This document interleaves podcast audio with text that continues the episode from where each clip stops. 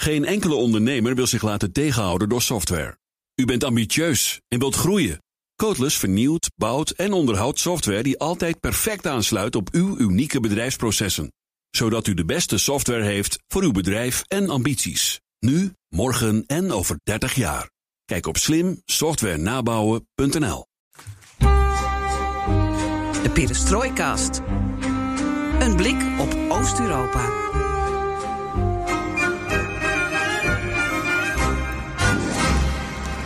Welkom bij BNR Perestrooikast, de 64e aflevering van de enige podcast van Nederland die volledig oog voor het oosten geeft en heeft. En ja, je hoort niet Geert-Jan die deze aflevering zoals vanouds aftrapt. Hij zit ergens in Lapland op zoek naar de restanten van Roerik en zijn broers. Ja, bij wie het Russische Rijk ooit begon, grof gezegd.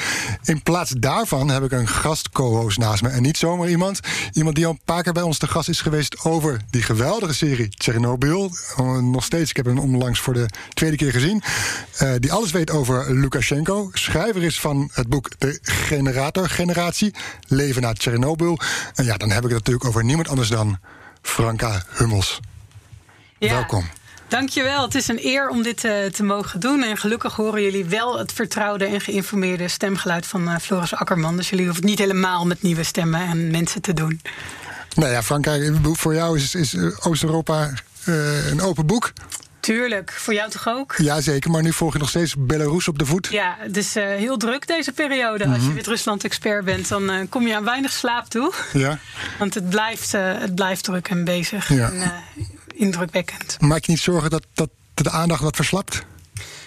Um, de aandacht is aan het verslappen, mm -hmm. maar niet tot een niveau dat het schadelijk wordt, denk ik, op dit moment nog. De media-aandacht die ik in Nederland zie is veel groter dan ik had voorzien. Mm -hmm. En ook wel uh, inhoudelijk sterker dan ik had gevreesd.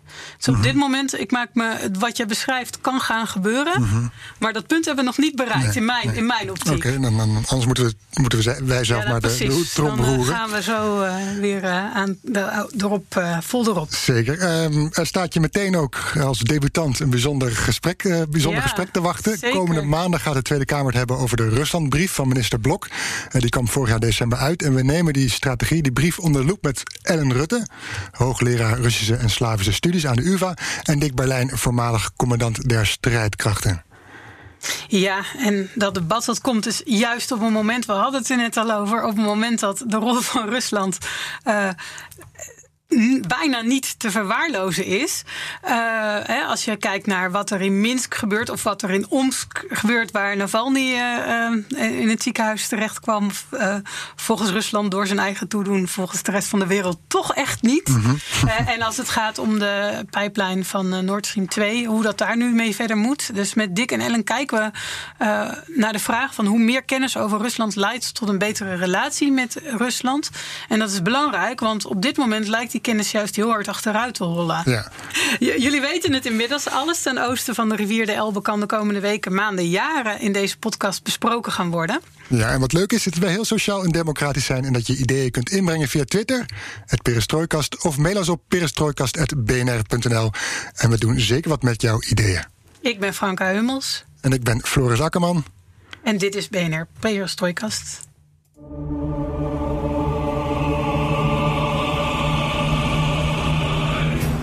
Ja, Franka, we beginnen altijd met een nieuwsronde. En la, ik hoef eigenlijk niet te raden waar je het over wil gaan nee, hebben. Nee, precies. Wil je, eerst, wil je eerst het geluidsfragment laten horen? Of nee, wat? Ik, wil, als ik, het, ik wil het graag even introduceren, als het mag. Het gaat om de 55ste verjaardag van iemand waar van ik verwacht dat geen enkele luisteraar er ooit van heeft gehoord. Maar we mogen hier exotisch doen, dus laten we dat vooral doen. Dat is Levon Volsky. Dat is een zanger van Wit-Russisch-talige muziek. En hij doet dat al heel, en hij doet dat al heel lang. Um, echt, uh, nou ja, in de hele periode eigenlijk van de dictatuur van uh, Lukashenko was hij al. Uh, in het Wit-Russisch aan het zingen. Ook op de momenten dat dat nog als volledig oppositioneel werd opgevat. Dus hij heeft dan ook hele tijd in Warschau gewoond. Um, de muziek die hij maakte, eerst met zijn band NRM, uh, die was. Um, Ehm, die, was, die werd dus ook niet, kon je niet naar luisteren in Wit-Rusland, niet live althans. Dus het belangrijkste festival voor dit soort muziek was in Polen. Het andere belangrijke festival was in Litouwen. De laatste jaren is er meer ruimte gekomen voor Wit-Russisch-talige muziek. Dus je ziet ook dat op zich zijn muziek niet nu de belangrijkste muziek is in, in de revolutie. Dat is heel, um, wat dat betreft, mooi om te merken dat er dus een nieuwe beweging naast die oude beweging is gekomen. Maar een van zijn liedjes, dat is van zijn band NRM, dat uh, komt wel de hele tijd terug naar voren. En dat is heel grappig voor mij om te horen, want de eerste keer dat ik in Wit-Rusland uh, langere tijd was, dus dat moet ik nou 99 denk ik of 2000, toen was dit liedje ook al echt onder de oppositiemensen met wie ik toen veel omging echt de hit en was iedereen dat aan het zingen in kroegen, in kampvuren, bij kampvuren. En nu wordt het dus ook tijdens demonstraties steeds. Uh, gezongen. En nu wil ik het laten ja, horen. Moeten we het luisteren ook, ja. Precies.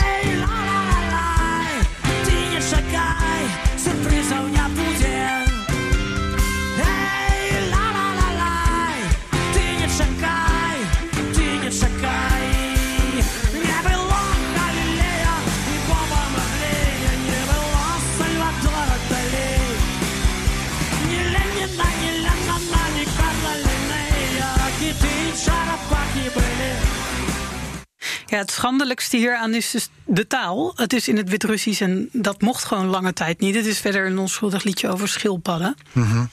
Ja, ik, ik, was in Brest vooraf aan de verkiezingen. En er werd ook uh, bij zo'n campagnebijeenkomst als Tiganovskaya... met, uh, die, uh, met Sepkala en Kalesnikova op zou komen. Dat duurde eventjes, duurde heel lang. En toen werd er constant muziek gedraaid, Pyramid van Kino. Maar dit nummer ook. En ik had er nog nooit van gehoord. Maar iedereen, die, die, die, uit volle borst werd het meegezongen. En, en ze, als ze niet harder kon, dan gingen ze nog harder om dat te zingen. Dat was werkelijk dat ik dacht van, uh, hier, uh, uh, dit is hier alsof je bij een popconcert zelf staat. Ja, ja, nou, ik heb dat hier in Den Haag bij de demonstraties van de Wit-Russen ook wel gezien. Dan werd dit liedje ook wel weer gedraaid. En dat gaf -hmm. voor mij dus ook een gevoel van toen ik zelf veel jonger was en dit liedje zo belangrijk was. Maar ook inderdaad het vuur dat er dan bij zit. Ja, dat is zeker, echt, zeker. kan mij wel emotioneren ook. Dus vandaar de verjaardag van Levon Volsky als nieuwsmoment van mij. Mooi, mooi. Nou kan Lukashenko heeft natuurlijk, hè, muziek speelt een grote rol in dit soort gebeurtenissen. Die kan niet achterblijven en heeft zijn eigen lijflied gezongen door Belarussische artiesten en een collega, collega's uit Rusland. En het heet Geef je geliefde niet weg. Ja. En dat is een verwijzing naar een uitspraak van Lukashenko tijdens zijn verkiezingscampagne. En ja, je ziet een, uh, op YouTube een video met. Het is een zoet, zoet popmuziekachtig ja. liedje. Ik denk dat het hier nooit een hit zou worden, maar misschien in, in Oost-Europa wel. En dan zie je op een video begeleid prachtige zoete beelden van Belarus, graanvelden, bossen, kerken Precies, en meren. ja. Van je denkt van nou, dus het paradijs is, uh, is dichtbij. Ja, zeker. We gaan even een stukje horen.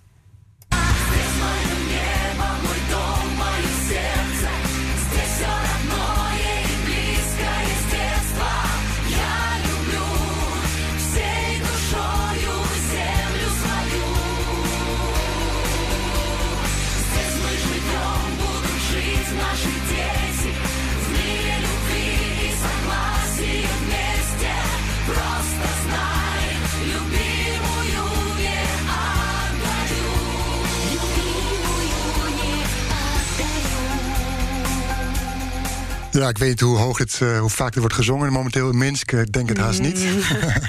um, toen het nummer 1 was uitgekomen, hebben enkele artiesten gezegd van... ja, ik wist helemaal niet dat dit om Wit-Rusland ging, of Belarus. Dat die tekst, dat de, de, titel van het nummer, dat het door Lukashenko was gedaan. Uh, die trokken ze hun handen uh, een beetje van af. En ze dachten van, ja, dit is niet ons pakje Jan nog wel wat grappigs over die quote uh, zeggen. Want het is natuurlijk ja. ook heel romantisch. Je geeft je uh, geliefde niet weg. En uh, Lukashenko spreekt de laatste tijd veel vaker over zijn volk als was het een vrouw. Mm -hmm. En dus gedraagt het volk zich ook als een vrouw. Nou hoeven we het nu niet over de rol van vrouwen in deze revolutie te hebben. Maar als je in Wit-Rusland of in Belarus, als we BNR dan moeten zeggen, eh, een man wil afwijzen, dan laat je hem een pompoen zien. Dus mocht je in de demonstraties zien, Mhm. mm -hmm. dan is dat of een afwijzing van Poetin of een afwijzing van Lukashenko. Dat beeld dat heeft dus direct hiermee te maken. Okay. Goed, ik zal het onthouden. Dankjewel Frank. Oké, okay, dan uh, gaan we nu over naar uh, het volgende onderwerp met Dick Berlijn en Ellen Rutte.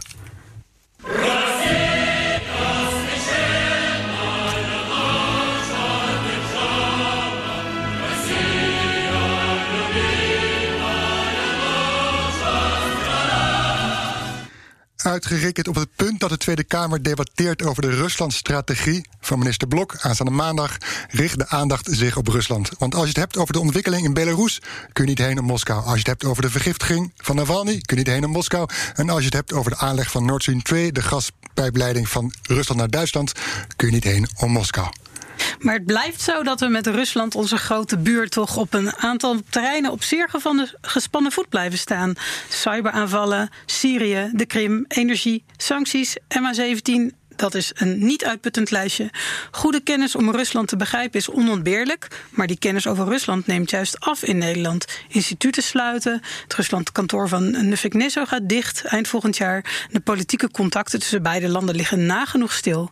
Rusland kondigde zelfs deze week aan meer Europese functionarissen te weren. Ja, en juist het hebben van goede kennis behoedt ons voor nieuwe brokken met Rusland betogen Ellen Rutte, hoogleraar Russische en Slavische studies aan de UvA in Amsterdam en Dick Berlijn, voormalig commandant der strijdkrachten. Uh, zij zijn beide vanmiddag hier bij ons in de, in de uitzending in het Perestrooikast. Welkom beiden. Dankjewel. Goedemiddag. Um, we trappen even af. We, we, zien hier een bijzondere combinatie. Ellen, uh, je komt uit de culturele hoek, soft power, om het, om het zo maar even te zeggen. En Dick uh, uit de militaire kant, het, het, hard power. En jullie hebben elkaar gevonden en besloten de handen ineen te slaan. Wat, welke gedachten zitten achter? Nou, misschien kan ik daar iets over vertellen, omdat ik het initiatief nam. Um, ik heb al langer zorgen over bezuinigingen op mijn eigen opleiding en andere Nederlandse talenopleidingen. Het lukt ons gelukkig wel nog om uh, gedegen taal- en uh, cultuuronderwijs te geven, maar ja, dat doen we al heel veel jaar met heel weinig middelen en weinig mensen. En ik maak me ook al langer zorgen over kennis van de Russische taal en cultuur in Nederland. Nou ja, jullie noemden een heleboel voorbeelden net. Rusland is een grote, maar ook hele lastige internationale partner voor Nederland. En toch wordt er zuinig, um, ja, zijn we eigenlijk gewoon te zuinig met het bouwen aan goede kennis over Rusland en Oost-Europa. Dus toen die Ruslandbrief er aankwam, toen um, heb ik dik opgezocht en gezegd, ja, ik, ik zie uh, uh, steeds weer gemiste kansen. En ik heb gezien dat jij eerder ook pleitte voor grondige Ruslandkennis in Nederland. Dus is dit dan geen goed moment om samen, vanuit inderdaad die heel erg verschillende invalshoeken van defensie en onderwijs, om ons daar samen over uit te spreken? Zo kwam ik bij Dick. En toen nam Dick de telefoon op en die zei: Dat gaan we doen. nou, ik heb daar graag, uh, ben graag op die uitnodiging van Ellen gegaan. En um, ik moet je bekennen dat uh, in de tijd dat ik bij Defensie zat, um, zeker in het begin toen we het nog over de Koude Oorlog hadden en ook later, um, dan ben je toch heel erg met defensie bezig. Met, met er is een probleem dat moet opgelost worden. En na mijn tijd bij Defensie ben ik veel meer gaan lezen en, en moest ik tot mijn schade en schande toch wel bekennen dat ik toch heel veel facetten van uh, Rusland niet uh, goed uh, zicht op had. En, en, dat er veel meer nuances waren dan ik eigenlijk voor die tijd allemaal me bewust was. Mm -hmm. En um, ja, dat betekent toch ook dat, dat ik me realiseerde dat een, een, een veel breder beeld, een veel helderder beeld van wat er nou precies in Rusland gebeurt en waarom dingen gebeuren, dat dat uh, essentieel is. Uh, willen wij ook ja, een aantal van de uitdagingen waarvoor we staan uh, beter tegemoet treden. Ja, en dan, trouwens, we hebben elkaar besloten om elkaar te tutoyeren, even ja. voor de duidelijkheid. En Zeker. jullie dachten van, wij, Ellen en Dick, vormen hierin een team. Wij kunnen samen daar iets betekenen.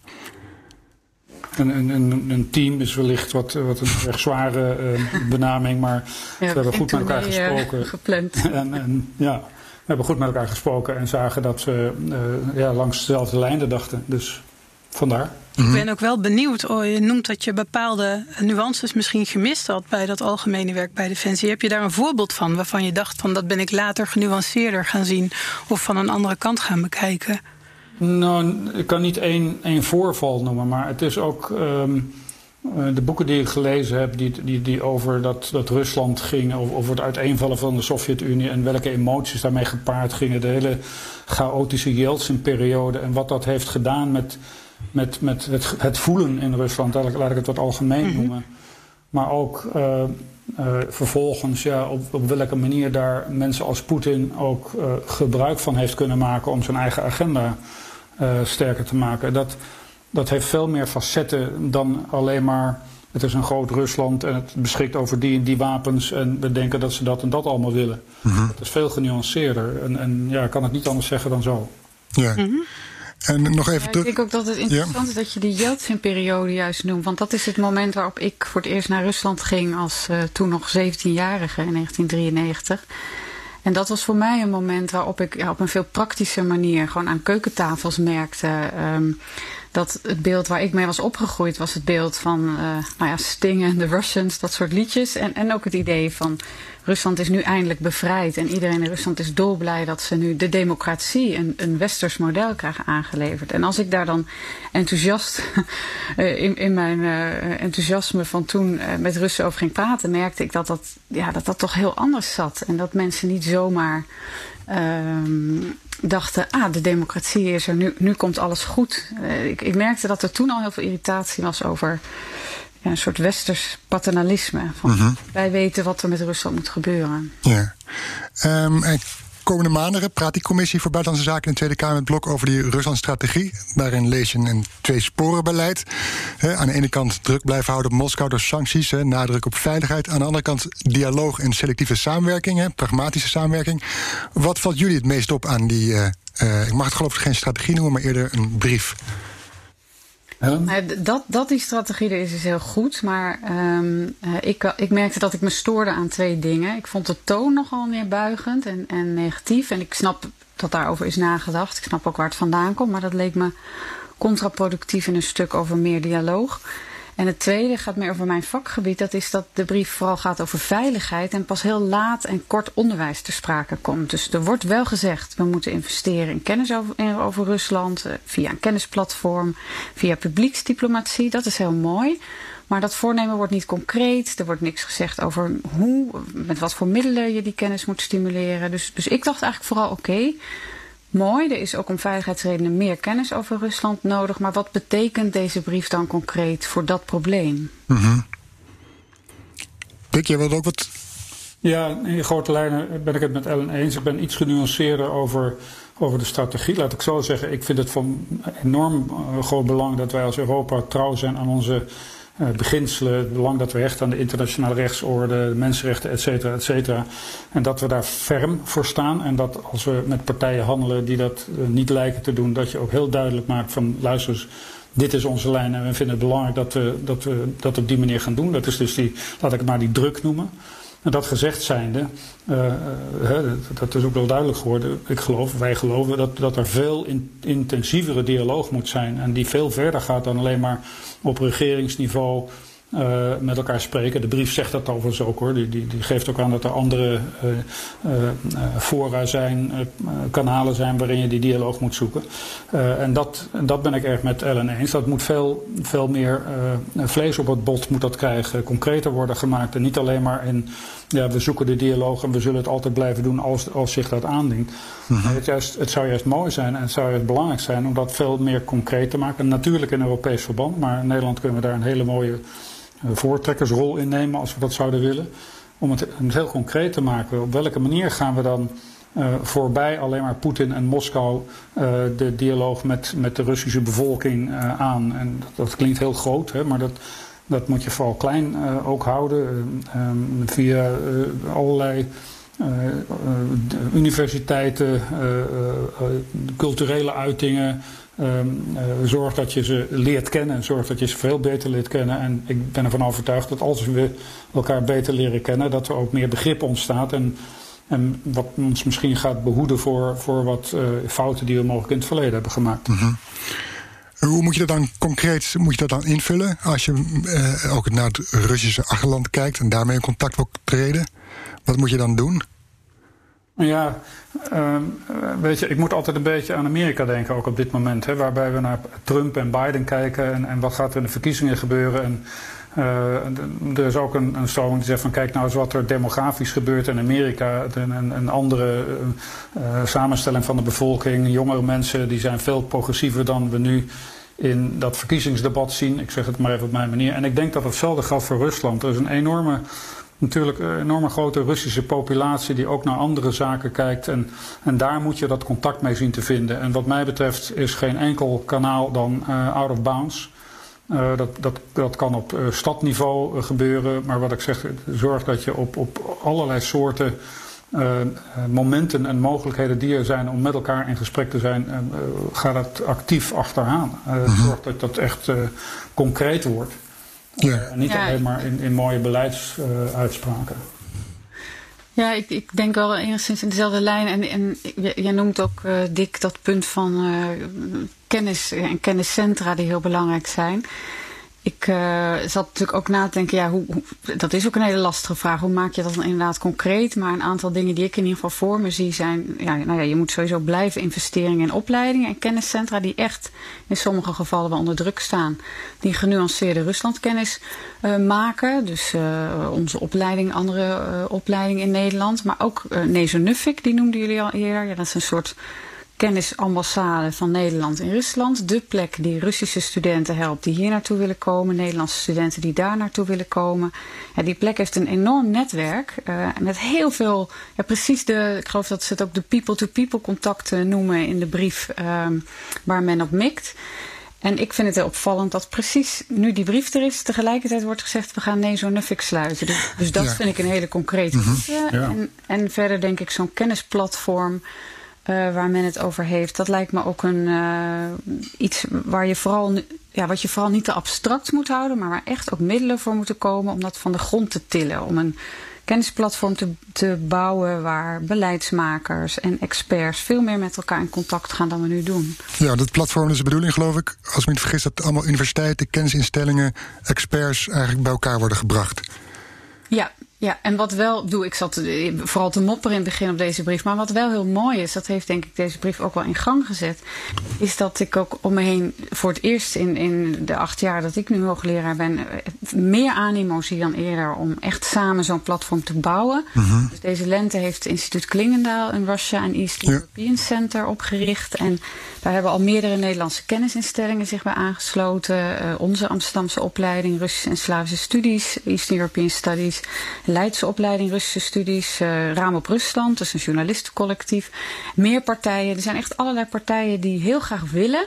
En Klingendaal heeft ook al wat webinars georganiseerd. Maar ja, om dat initiatief echt van de grond te tillen, zijn ook middelen nodig voor regelmatige kennisuitwisseling uh, tussen Nederlandse en lokale experts. En, en om te zorgen dat die lijntjes tussen instellingen korter worden. Ik denk dat dat een hele praktische manier is om, uh, ja, de, de, om de nu heel erg versnipperde kennis die er is, meer samen te brengen. Ja, want jullie zeggen die kennis die is broodnodig, toch? Dat zeggen jullie samen om, om nieuwe brokken te voorkomen.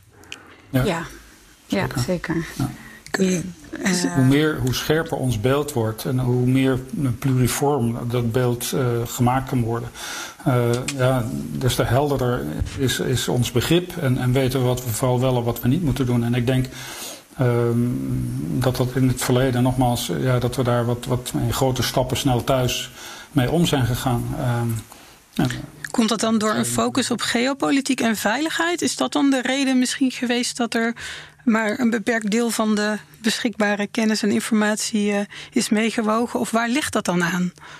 Nee, ja, ik denk deels ook iets uh, praktisch. Uh, ik heb de indruk dat de kennis er niet alleen moet worden ge, ja, dat er niet alleen soms te weinig kennis is, maar dat er voor een deel wel degelijk al heel veel kennis is, maar dat die niet goed wordt samengebracht en ook nog niet goed, goed genoeg bij beleidsmakers terechtkomt. Dus ik heb de afgelopen jaren ook echt wel gezien dat vanuit Den Haag uh, men heel graag wil. We, komen ook, uh, we worden uitgenodigd voor bijeenkomsten. Er komen als ambtenaren naar ons toe. In de aanloop naar de Ruslandbrief is echt een hele batterij mensen, ook museumdirecteuren, architecten, allemaal uitgenodigd om hun input te geven. Maar omdat dat allemaal ad hoc is, dan heb je dus één zo'n bijeenkomst ja, blijft het heel erg hapsnap. En ik, je ziet dus ook aan die Ruslandbrief dat eigenlijk heel weinig van die input vervolgens in de brief terechtkomt. Terwijl -hmm. ik denk als we veel regelmatiger, systematischer met elkaar in gesprek zijn, dat er veel meer gebeurt. En dat het, de kennis die er is ook veel beter bij beleidsmakers terechtkomt. Ja. Uh, Ellen, je zei, het al even over die brief. Uh, het woord veiligheid viel jou op. En we hadden eerder dit jaar oud-ambassadeur in Rusland rond Keller in uitzending in aflevering 27. Hij viel ja, vooral over het woord dreiging. Daar ligt te veel de nadruk op. nadruk op. Luister even wat hij zei. Je begint niet met dreigen als je een relatie hebt. Je begint met dialoog. Dus en dat is heel symbolisch voor deze brief. Je zou verwachten dat je begint met... We, gaan, we zijn aan het samenwerken met Rusland, we hebben een dialoog... we hebben gemeenschappelijke belangen. Ja, en waar dat niet altijd leidt tot de oplossingen die in het Nederlands belang zijn... zou je kunnen overwegen om dreiging in te zetten. Dat is een beetje als in een huwelijk. Dan ga je ook niet meteen dreigen op, de, op het moment dat je in het, in het trouwbankje staat.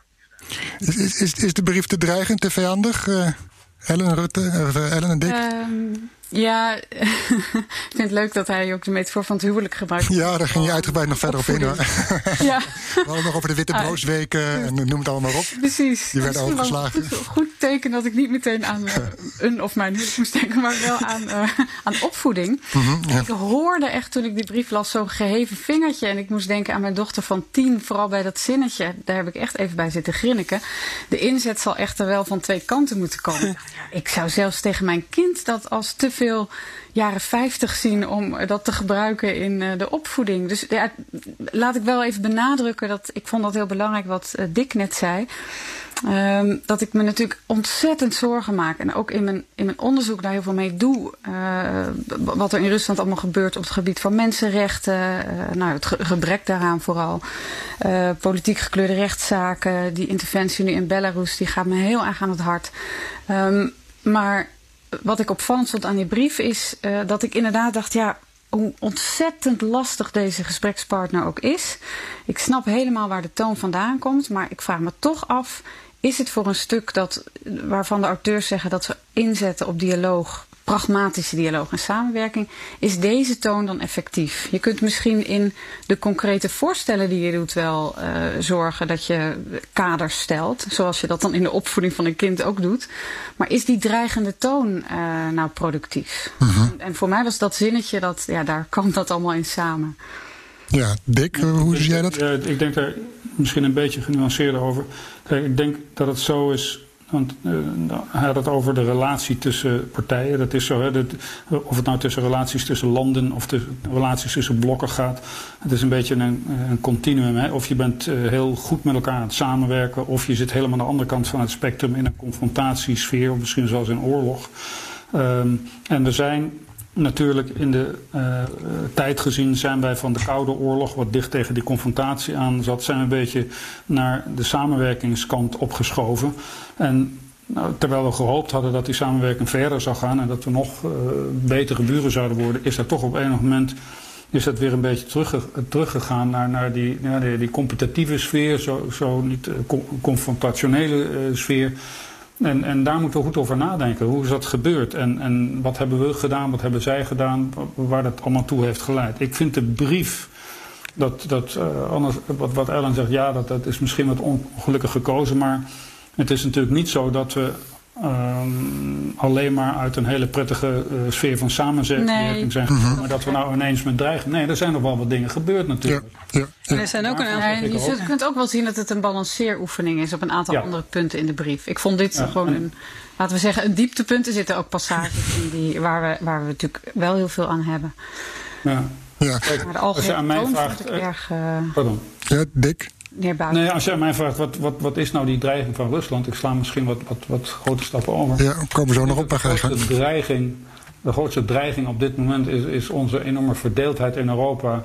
Uh, ten aanzien van het vraagstuk hoe moeten we hiermee omgaan. Dat is onze, mm. dat is onze zwakte. Daar moeten we helder over gaan worden. En die, ja, die, die, die, die dreiging van Rusland, dat zie ik niet zo erg. Ik zie natuurlijk ook dat ze hun strijdkrachten hebben gemoderniseerd. Ik zie dat ze over wapens beschikken die we liever niet zouden willen zien.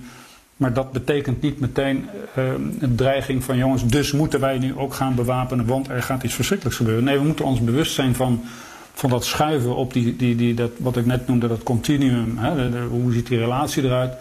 En, en proberen te begrijpen waarom er dingen te ge gebeuren en waarom stappen worden gezet.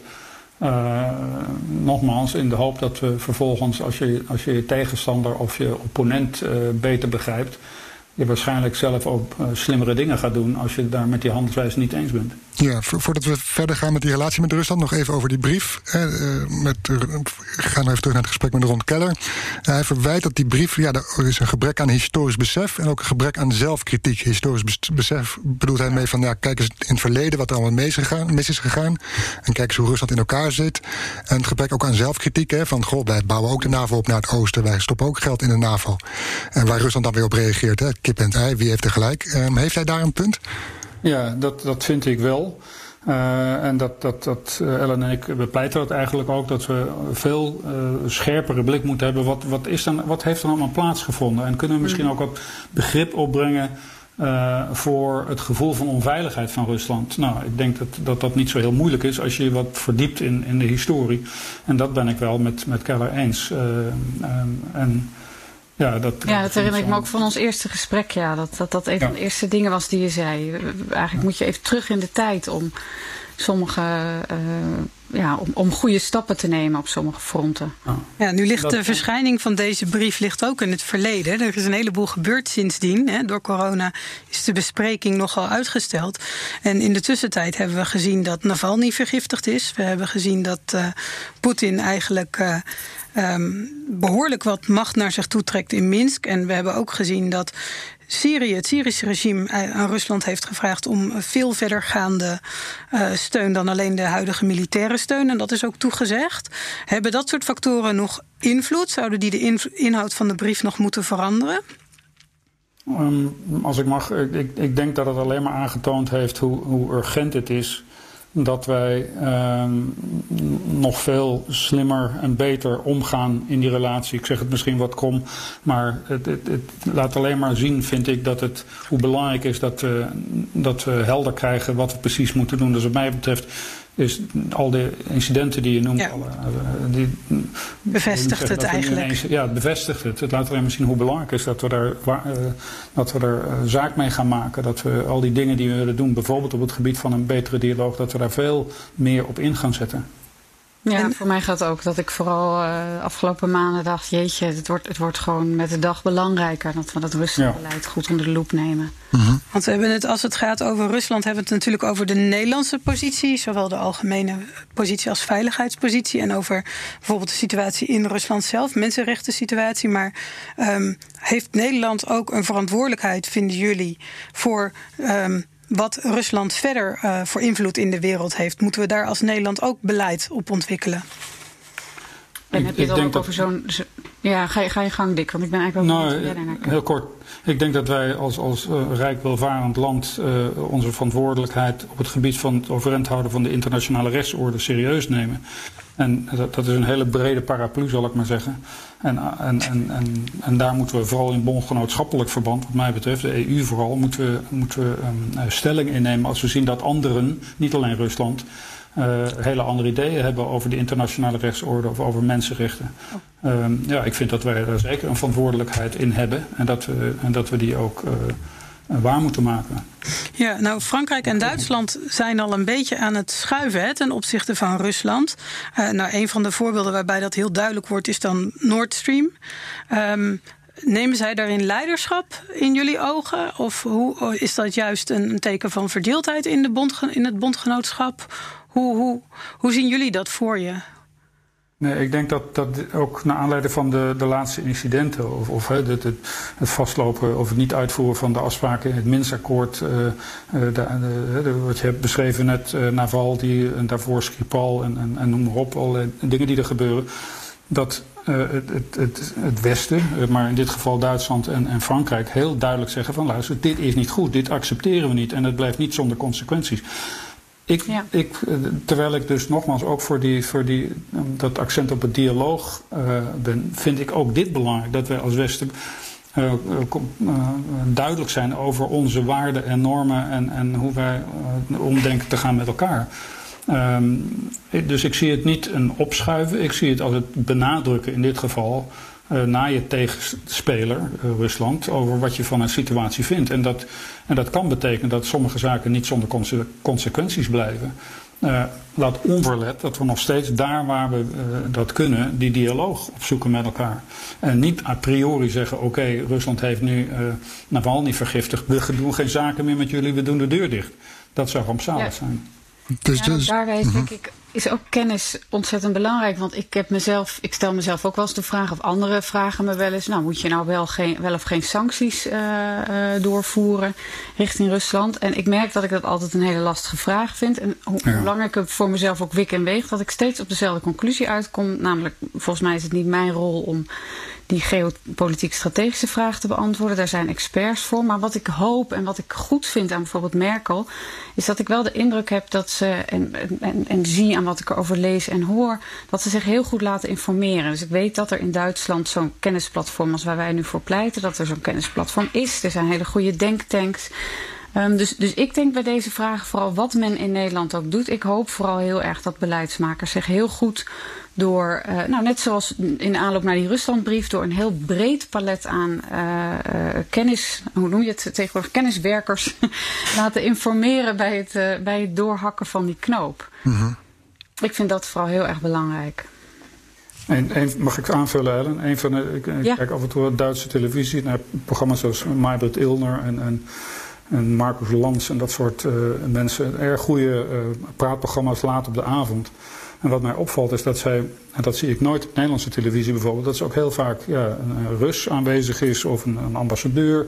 En dat ja. wil niet zeggen dat hij tijd krijgt om, zoals Piet Hoekstra dat doet, uh, een beetje propaganda uh, te voeren. Uh, het is me wel vergeven. Hè? Mm -hmm. maar, maar gewoon dat er een eerlijk gesprek is en, en, en, en, ja. en, en een verdieping ook plaatsvindt van maar waarom dan precies? En leg eens uit en hoe zien jullie dat? Dat mis ik erg in, in, in Nederland. Of het nou in de kranten of op televisie is. En ik denk dat dat helemaal niet zou misstaan bij ons. Er ligt ook een verantwoordelijkheid ja, bij media volgens jullie. Wat zeg je? Ja, verantwoordelijkheid, ja, dat, dat zou je wel zo mogen zeggen. Um, ik zou het heel mooi vinden als, als daar ook wat aandacht aan zou worden besteed. Omdat het ook zou helpen, denk ik, uh, en wat, wat, wat minder snel met ons oordeel klaar te staan. Uh, en wat meer naar elkaar te luisteren en proberen te begrijpen. En dan kunnen we het oordeel alsnog vellen.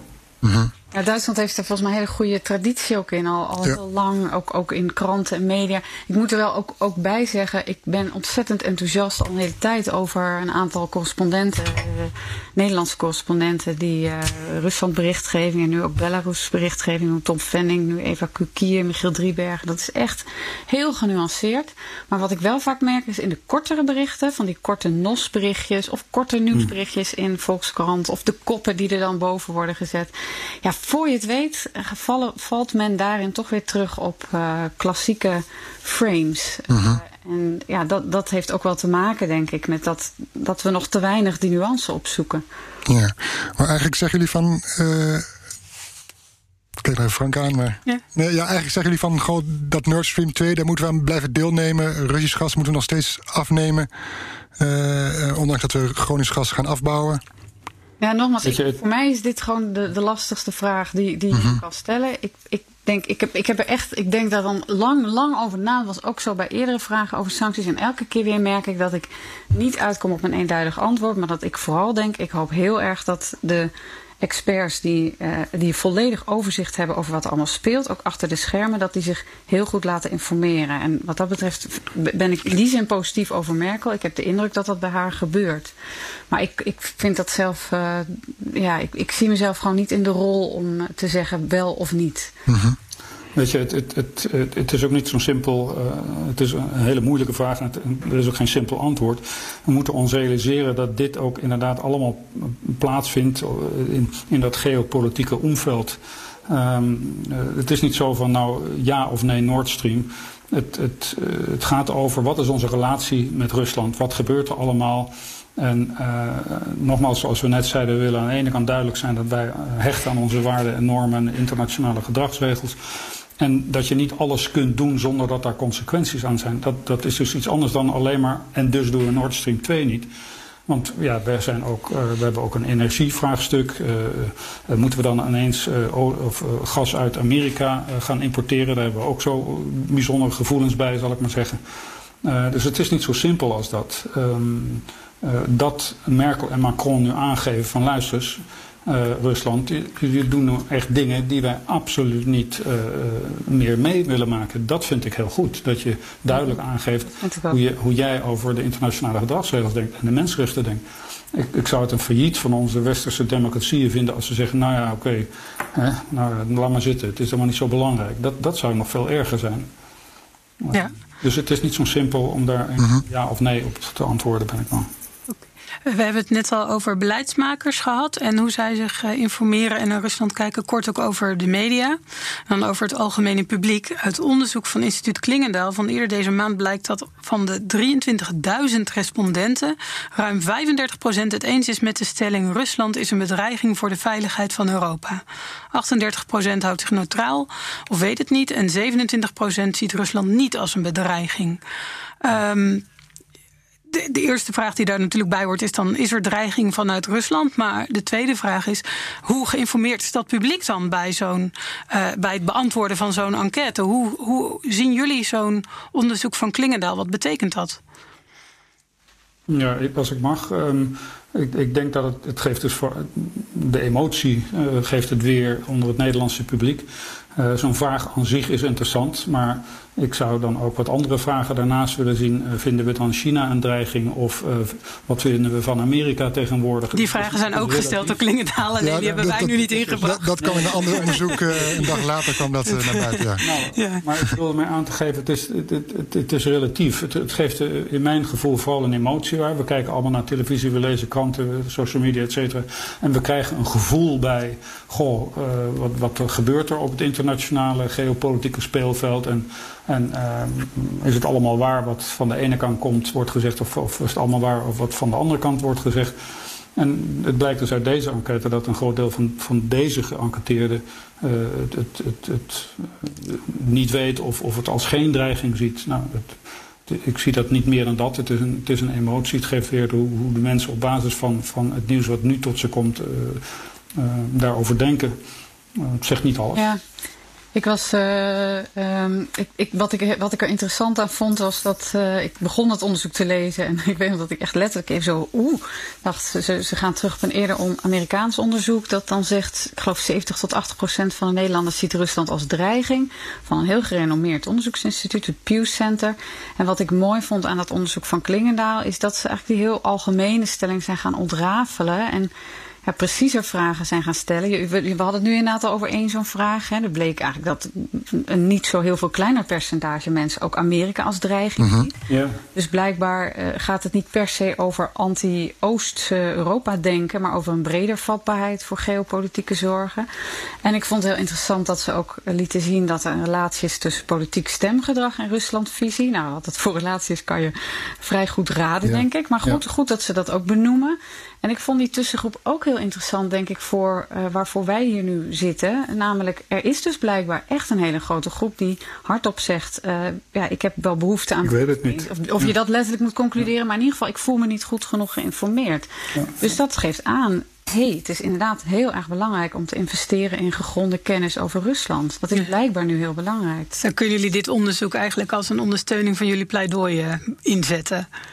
Ja, en ik voelde mezelf, ik vond het echt uh, heel interessant om te lezen. Ik, ik voelde me ook zelfs gesteund in um, uh, een, een pleidooi wat ik altijd maak, wat nog een beetje lastiger is om te maken. Namelijk dat ook het soort onderzoek dat wij doen naar bijvoorbeeld Russische literatuurgeschiedenis, Russische taalkunde, dat dat er ook echt toe doet. Want als je goed leest, zie je dat ze aan het eind ook zeggen. Om, om, om die kennis, om mensen ook echt die kennis te kunnen bieden over Rusland, is het heel belangrijk dat we met een heel uh, breed uh, palet aan experts, ik weet niet hoe zij het letterlijk zeggen, maar uh, die kennis bieden. Dus dat we niet alleen kijken naar Poetin en geopolitieke mm. vraagstukken, maar dat we echt in de volle breedte Rusland proberen te begrijpen. Ja. ja. Maar is er, en dan de vraag aan jullie, is er dreiging? Vanuit Rusland.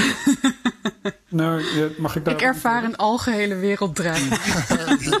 Zo makkelijk kom je niet vanaf, hè? Ja, het is, wel een, het is toch een hele belangrijke. Dat nadenken van hoe ziet onze wereld aan elkaar... en wat zijn de grote problemen van deze tijd, klimaat, noem ze maar op... Uh, wat, wat, en wat zijn de andere uitdagingen die er zijn? En is, is, is de dreiging uit Rusland nou het allergrootste probleem wat, waar we ons mee bezig zouden moeten houden? Uh, ik denk dat als we naar, uh, heel gedetailleerd naar Rusland kijken, de, de, de geschiedenis, de recentere geschiedenis, dat we wel kunnen begrijpen waarom Rusland, uh, en ik, het, ik praat het niet allemaal goed, maar ik, ik, heb er wel begrip voor waarom bepaalde dingen in Rusland gebeuren. Uh, de enorme teloorgang, het, het, gevoel dat ze de verschoppeling op een gegeven moment waren, de, de, de, drang om weer als groot Rusland gezien te worden. Ik kan me er wel wat bij voorstellen. Mm. Um, uh, dat betekent niet daar, dat daar meteen een dreiging gaan uitgaat. En natuurlijk moet je kijken wat gebeurt er in Oost-Oekraïne, wat gebeurt er aan de, aan de, de westgrens van Rusland. Je wil zeggen de Krim bijvoorbeeld, uh, ja, Georgië, allemaal waar, allemaal waar. Abhazie.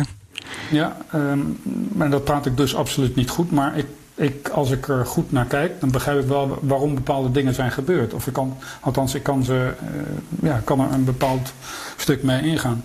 Is dat allemaal een dreiging, is de vraag. Um, ik geloof dat we vooral ons moeten concentreren of, of moeten beseffen: oké, dit is de situatie nu in onze relatie en hoe gaan we daarmee om? En ons niet gek laten maken uh, mm. door meteen te zeggen: nou, als, als daar dus uh, een wapensysteem bij komt, dan moeten wij dat ook meteen hebben, want zie je wel, er is een dreiging. Dat is veel te dat, is, dat doet geen recht aan, aan de, de, de echte situatie. Nee, maar de Baltische landen die zien het toch heel anders. Die hebben een ander verleden met, uh, met Rusland dan wij dat hebben. Die zien het, ervaren het waarschijnlijk wel als een dreiging. Nou, er zijn ook waar. vast wel ja, er zijn vast wel deelvragen waarop, uh, waarop ik bijvoorbeeld uh, op basis van wat, wat ik zie en volg over Rusland ook wel dreiging ervaar. Dus als ik dan weer zo'n Russische interventies zie in Belarus of Oekraïne, uh, dreigende taal richting Baltische Staten, dan voelt het wel natuurlijk om daar over te praten in termen van dreiging. Dat begrijp ik heel goed. Alleen de vraag, is Rusland een bedreiging? Ja, die is zo breed, daar kan je zoveel onder vatten. Dat is een lastige vraag. Maar uh, ja, ik, ik, denk net zoals ik begrijp waar sommige dingen vandaan komen, waar, waar Dick het over heeft, zo begrijp ik echt wel dat er uh, uh, momenten zijn waarop het heel lastig is om Rusland niet als bedreiging te zien. Maar ehm, ja, helemaal het een of het ander, dat, dat is mm. heel categorisch. En nogmaals, ik vind dat mooi aan het onderzoek van Klingendaal, dat ze daar ook meer in ja, zitten te schakelen eigenlijk en laten zien, kijk, daar zijn allerlei schakeringen in die vraag aan te brengen. Ja. Kijk, wat, wat wel gebeurt natuurlijk, daar moeten we zeker onze ogen niet voor sluiten. Uh, Rusland uh, vindt die machtige NAVO en die machtige EU vinden ze geen prettige blokken. Ze zien liever dat die prettige blokken wat uit elkaar vallen. En dat maakt hun eigen positie relatief wat sterker. En daarvoor zetten ze allerlei middelen in. Er worden, uh, de verkiezingen in de landen worden, worden gemanipuleerd of, of althans wordt, wordt geprobeerd om die een bepaalde kant op te laten gaan. Het, het, het, het, interveneren op die manier in onze samenleving, ja, dat is zorgelijk. Uh, we zijn overigens zeker niet de enige die dat doen. Uh, maar is dat meteen een dreiging? Ja, dat is een bepaalde dreiging, maar dat is iets anders dan ze komen met militaire middelen de grens over en dus moeten wij, wat ik net zei, maar ook gaan bewapenen. Dat, dat, dat maakt het te simpel. Maar het gaat toch ook niet alleen om militaire middelen, ook om cyberaanvallen. Uh, Absoluut. Dat is een oorlog gaande die wij niet zien wordt geschreven. Maar ik denk dat in de eerste plaats we na moeten denken... hoe kwetsbaar is onze eigen samenleving ten aanzien van dat soort zaken. Hoe kwetsbaar zijn onze eigen verkiezingen? Kunnen die gemanipuleerd worden? Hoe zit het met onze data, onze netwerken? Zijn die goed beveiligd? Uh, dat moet je eerst op orde krijgen. Um, het is altijd een beetje als je huis, hè, als je slecht sluit een hangwerk uh, of hang- en sluitwerk op je, op je ramen en deuren hebt zitten, ja, dan moet je niet zo heel vreemd staan te kijken dat er een keer bij wordt ingebroken. En dus is het een, een, een, ook een, een, plicht van ons allen om te zorgen dat het hang- en sluitwerk op orde is. Zo kijk ik er tegenaan. Uh -huh. uh, we, we, hebben het nu over die relatie met Rusland. Ja. Uh, Dick, over, ben ik vooral benieuwd naar van in jouw militaire loopbaan. heb je denk ik ook wel met Russen te maken gekregen, gehad. Ja. Um, en waar zie jij van dat het mis is gegaan met die, met die relatie met Rusland? En wie of wat valt dat te verwijten?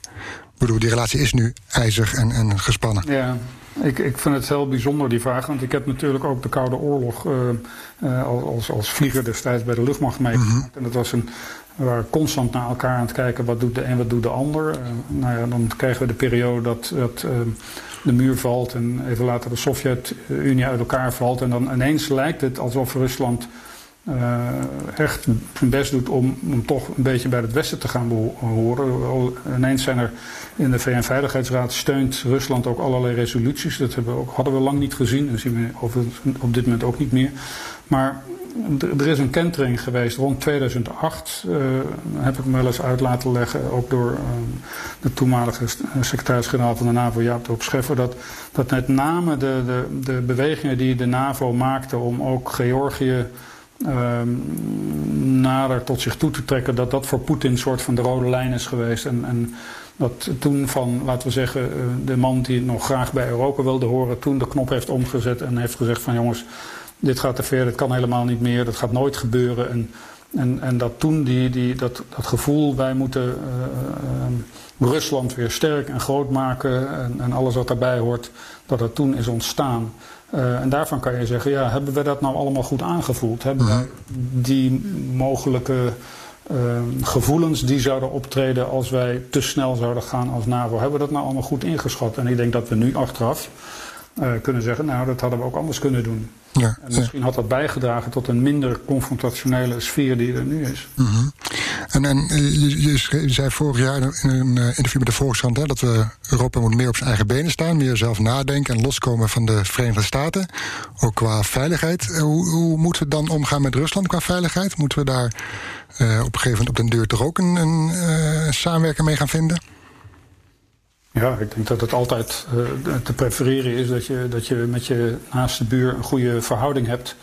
Um, dat, dat wat ik toen schreef, of liet, uh, wat opgeschreven is in de Volkskrant, dat artikel, dat sloeg met name op de veranderende geopolitieke situatie. Hè. We zagen een Amerikaanse regering, althans de, Trump-administration, die toch wel zo langzamerhand anders aan het denken is over de relatie met NAVO.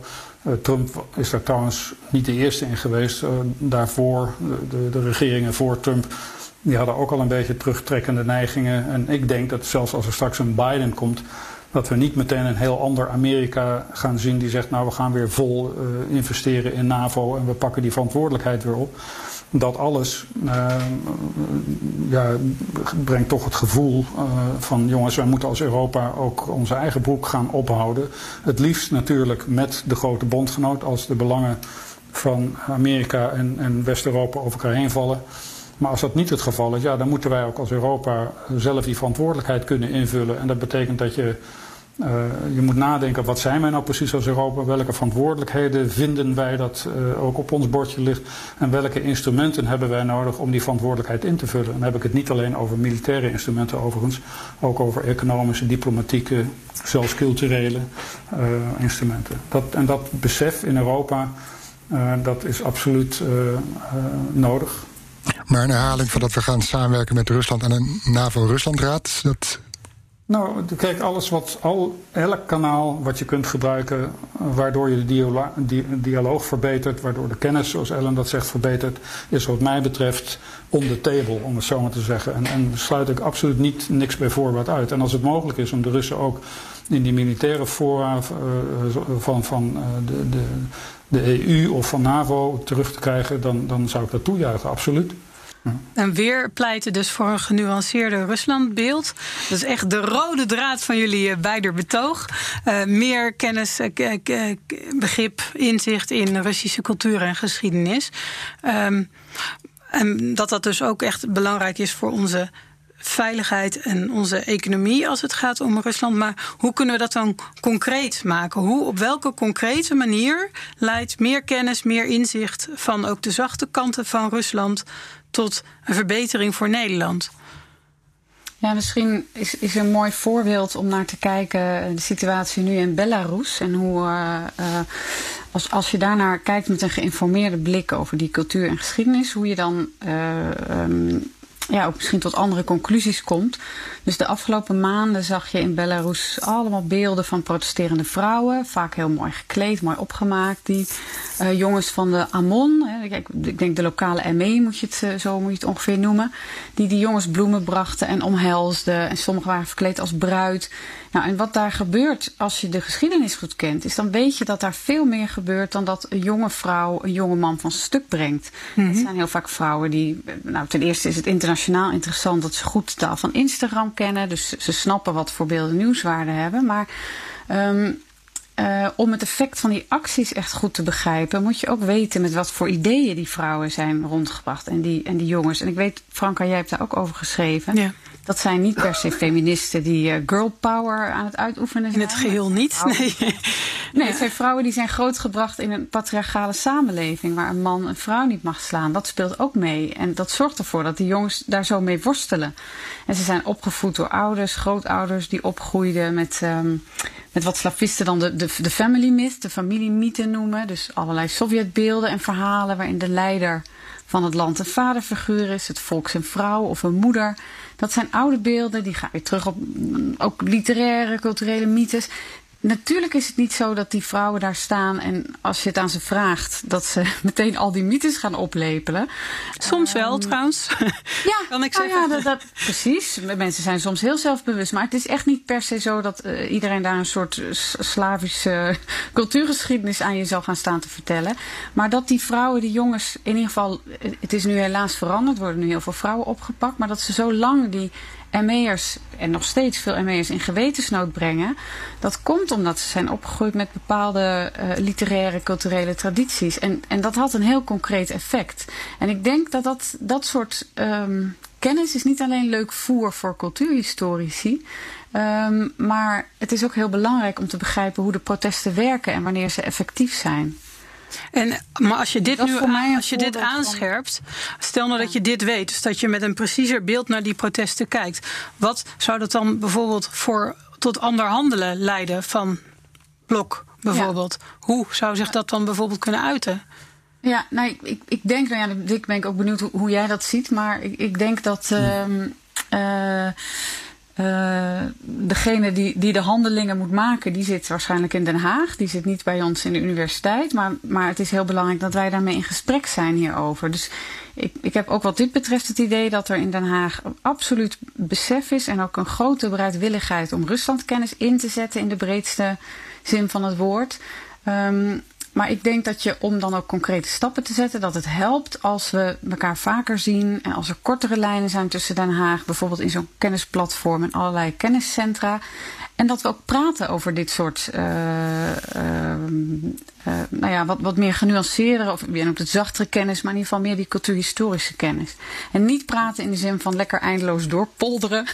dat kunnen hele mooie, korte korte pitches zijn waar iedereen vertelt wat voor relevant onderzoek uh, hierbij meespeelt.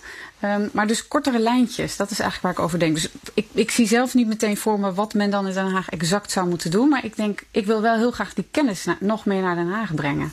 Mag, mag ik daar iets aan toevoegen? Graag. Ja, precies. Ik, ik, want ik ben benieuwd hoe je er vanuit ja. jouw positie naar... En, en naar Den Haag, maar ook naar bijvoorbeeld ja. Den Haag bedoel ik ook Defensie mee. Ja, ja. Maar kijk, we moeten ons realiseren dat... Um, uh, als er een huis in de fik staat, dan moet je het blussen. Wat bedoel ik daarmee? Um, dat wat we nu zien, dat kunnen we niet, sommige dingen kunnen we niet morgen oplossen. Wat, waar Ellen en ik het over hebben, is juist al die dingen die je aan de voorkant zou willen doen om te zorgen dat het huis uiteindelijk niet in de fik komt. Begrijp een beetje ja. wat ik bedoel? Ja, dat lijkt weer op het verhaal over de sloten van het huis. Gewoon zelf zorgen dat je huis ja, stevig maar is. Ik bedoel eigenlijk te zeggen dat waar we het nu over hebben, dat is een, een, een, een, een, verbetering van de relatie door een aantal dingen te doen, waardoor je hoopt dat op termijn je minder incidenten gaat zien.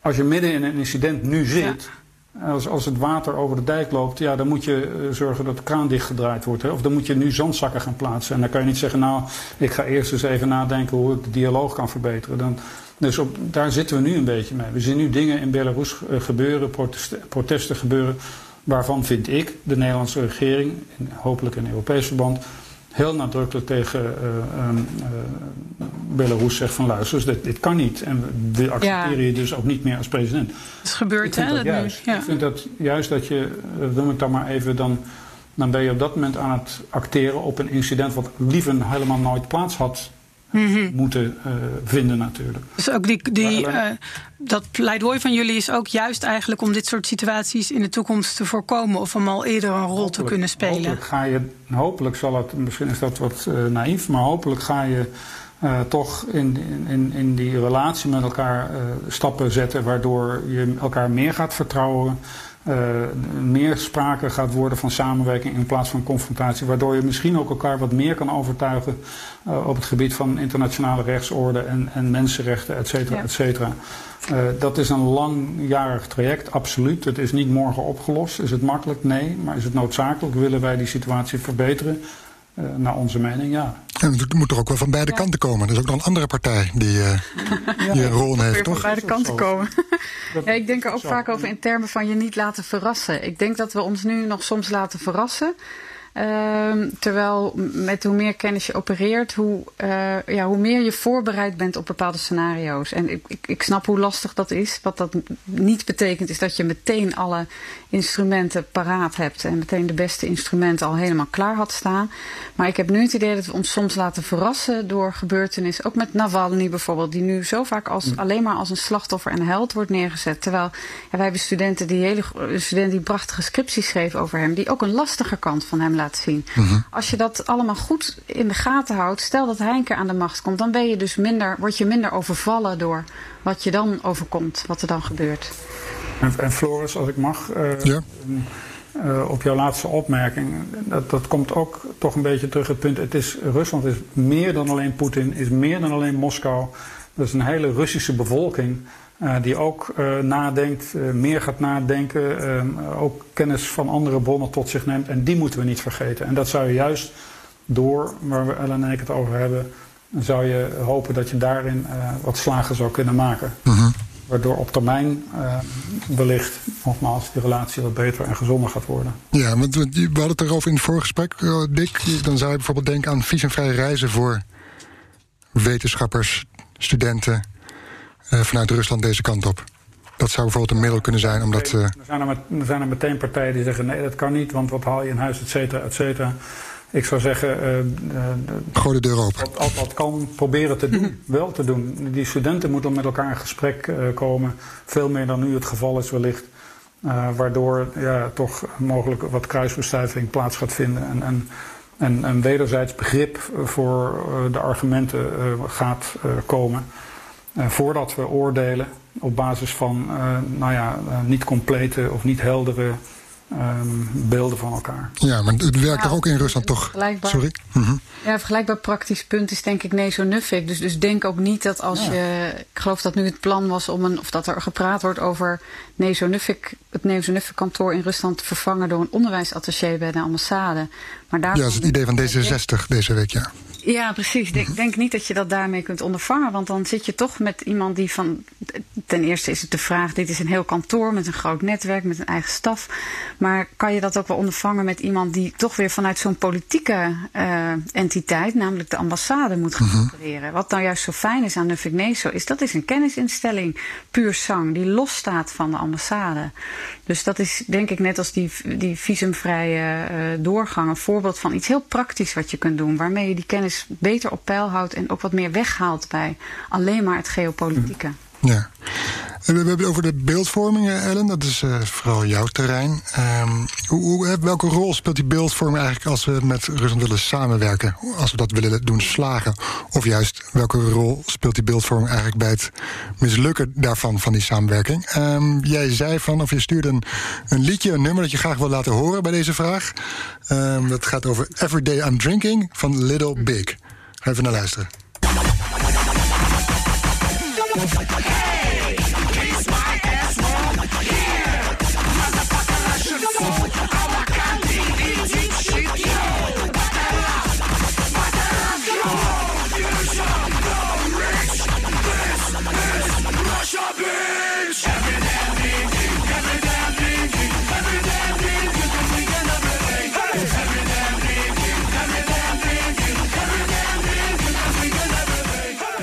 Nou, het drinken uh, komt goed uh, terug, uh, als we een cliché mogen noemen ja, met Rusland. Excuus aan de luisteraars die op nuchtere maag hier naar moeten luisteren.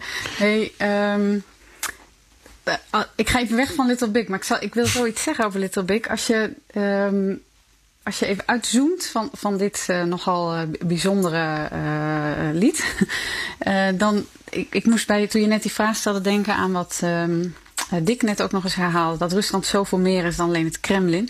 Wat je nu ziet is dat het Nederlands beleid eigenlijk bouwt op de visie van de staatstv. Voor, nou, echt niet alleen, ik wil ook niet chargeren en ik zie heus wel de nuances. Maar heel veel komt toch die ja, vrij agressief nationalistische wereldvisie van het Kremlin uh, ook terug in hoe er wordt gepraat over Rusland.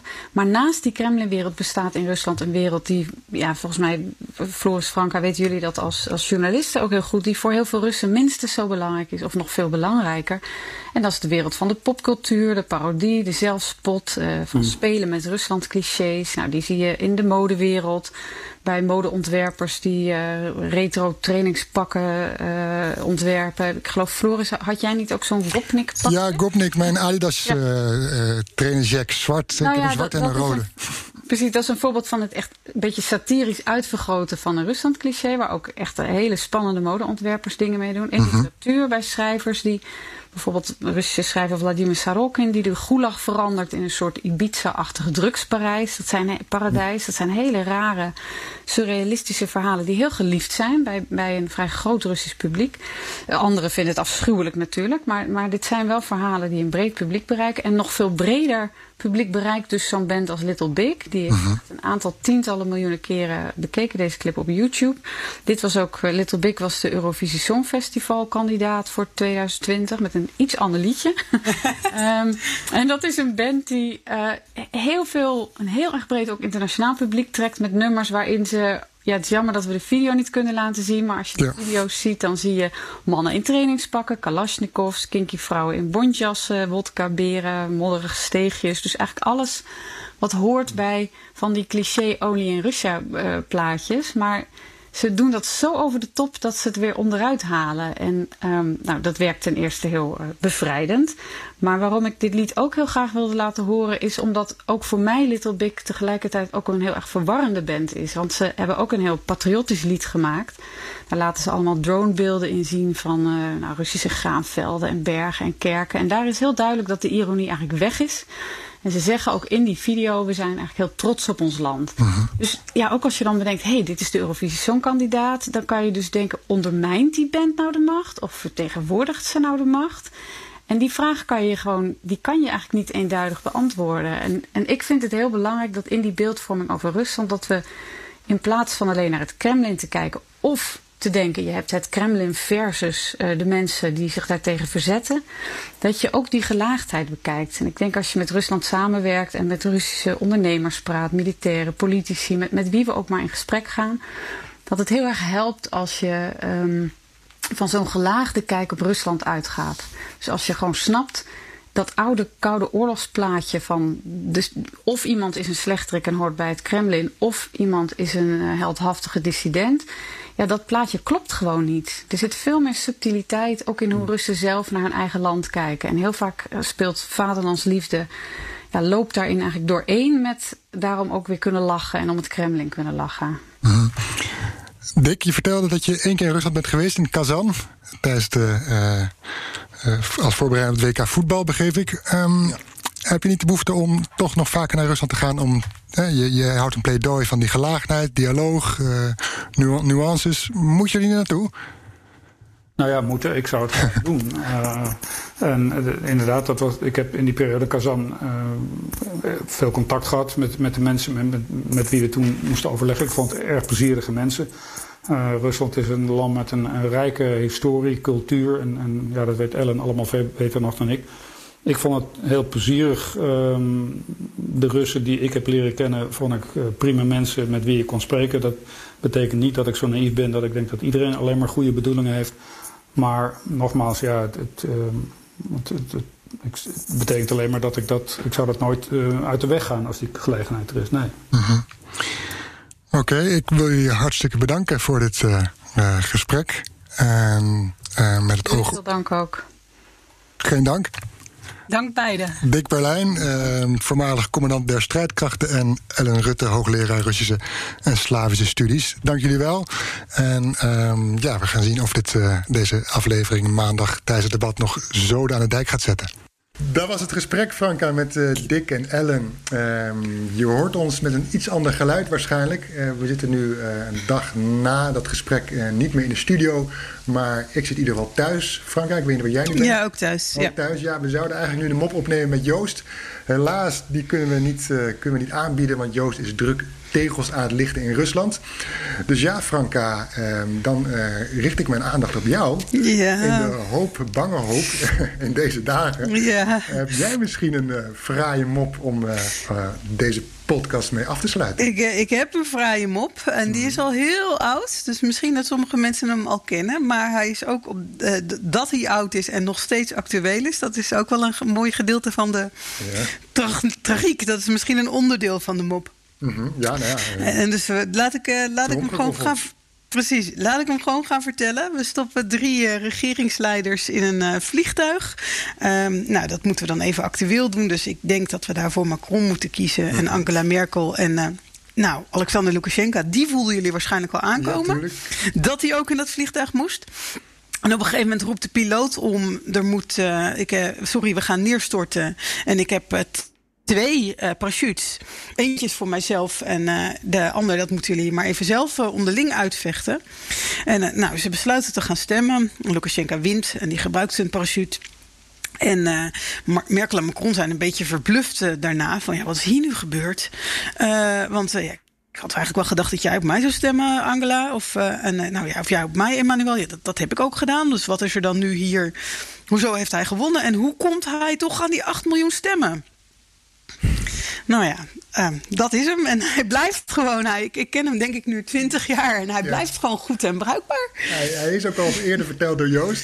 Kijk, nou, dat heb iets, ik dan weer gemist. Ja, dat maakt daar ja. iets andere variant. Maar hij blijft ja. nog steeds uh, heel sterk. En uh, ja, ik zou zeggen, vertel hem gerust door op andere gelegenheden. Dus, gelegenheden inderdaad. Dat is ook veelzeggend, denk ik, dat die mop zo in verschillende hoedanigheden terugkeert. Het, Precies, het ja. zegt iets over de staat van de wereld. Het zegt ook wat over Lukashenko steeds, ja. ja. ja.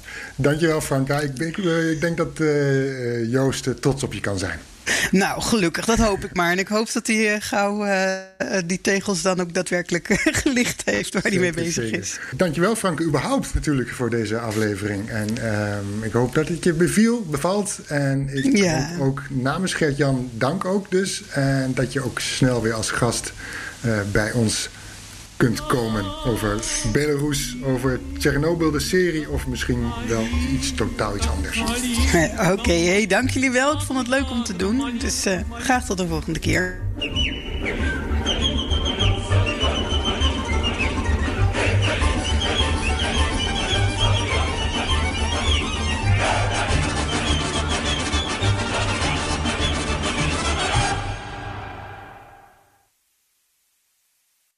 Software. Uw bedrijf kan niet zonder. Maar hoeveel u ook investeert, u loopt steeds tegen de grenzen van uw systemen. Stap daarom zonder risico's over op de software van Codeless.